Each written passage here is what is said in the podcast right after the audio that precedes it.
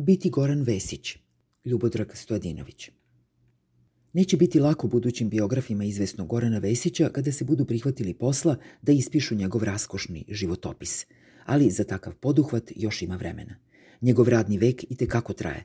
Reklo bi se da je u punom zamahu i naponu stvaralačke snage. Izvesno je dakle da slede novi fantastični poduhvati koje ne kontroliše niko, ali odobrava svakako još manje pouzdana glava od njegove. U slučaju VG nepoznato je odakle krenuti, da li od glave ili od repa, tajna je gde je šta u toj građi specijalno namenjenoj za posebne potrebe vladanja i vladaoca. Gde je glava, tu je i rep. U takvim živućim političkim fenomenima sve je na jednom mestu. Njegovo napadno prisustvo u našim životima nipošto nije rezultat slučajnosti. Vesić se u svom punom sjaju pojavio nužno, kao biološko-patološko-politički proizvod vremena koje mu je dopustilo da pretekne i preživi sve svoje političke agonije, mimikrije i pojavne oblike i pojavi se na vrhu naopake velegradske evolucije.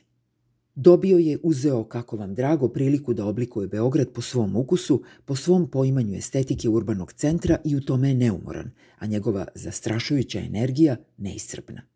On je perpetuum mobile eksperimenta koji surovo obavlja nad glavnim gradom i njegovim stanovnicima, a oni otvoreno iskazuju svu svoju nemoć posmatrajući kako njihovo mesto za život gubi svoj oblik, svoj duh, atmosferu radosti i samopoštovanje.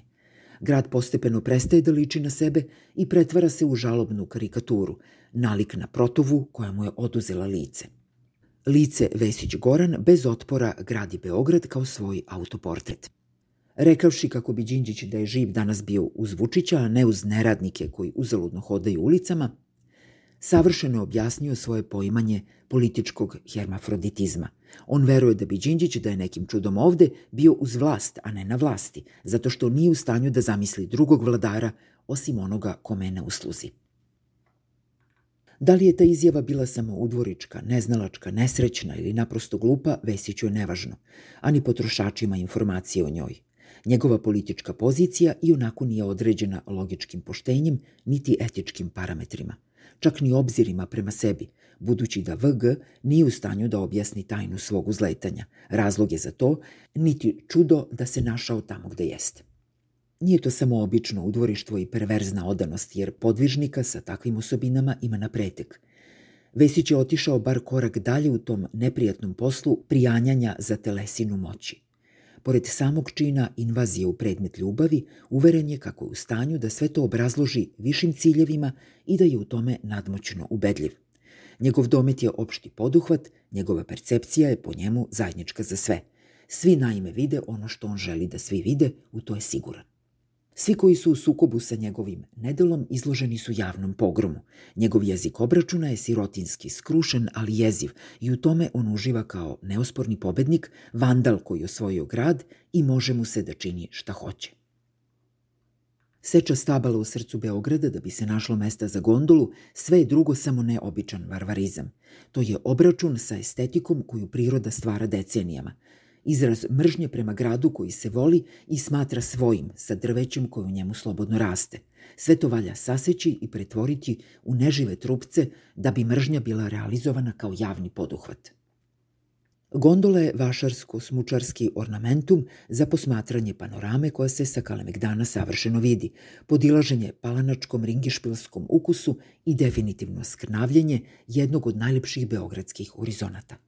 Nedostaju Luna Park na trgu Nikole Pašića, Aqua Park na trgu Republike i legat Šabana Šaulića. Ali ništa ovde nije nedostižno. To svakako nije vrhunac Vesićevog nastranog stvaralačkog elana. Uskoro će biti upaljeni novogodišnji ukrasi, ove godine ranije nego ikada pre. Svaki dan bi mogao da bude šareni vašar, uz zurle, tapane i razrgani puk koji slavi zlatnu doba srpskog perikla i njegovog ludog šarlatana. Fontane koje su postale i predsednikova obsesija prema pripovedanju VG same će sebe isplaćivati od novčića koje rasipni turisti i dobrodušni beograđani budu ubacivali u bistru muzičku vodu. Kad se skupi taj sitniš i pretvori u zdravu valutu, gradit će se nove fontane. I tako u nedogled. Jarbol nam se još nije digao, ali i to se ima dogoditi. Beograd će dobiti hiljadu novih komunalnih policajaca i to će biti Vesićeva paravojska, partijske batinaške snage koje će čuvati viziju okupiranog Beograda i zaštićenog od Beograđana koji još drže do sebe. Na obodima grada izlokani putevi, udarne rupe, tiha smrt periferije. Ruševnost je vidljiva svuda gde nema blještavih kulisa koje pokrivaju stidne delove velegradskog tela. Gradski saobraćaj se vraća u 90. bez guma, vozača i autobusa. Bolnice su pretvorene u rugla i legla infekcija, bolesnici izumiru zajedno sa zdravstvom koje se masovno seli u Nemačku. Svakoga dana Vesić se pojavljuju kao darodavac oblika, tvorac ambijenta i vlasnik čudovišne estetike, preteći da je učini opštom. Takvog smo Neymara i zaslužili.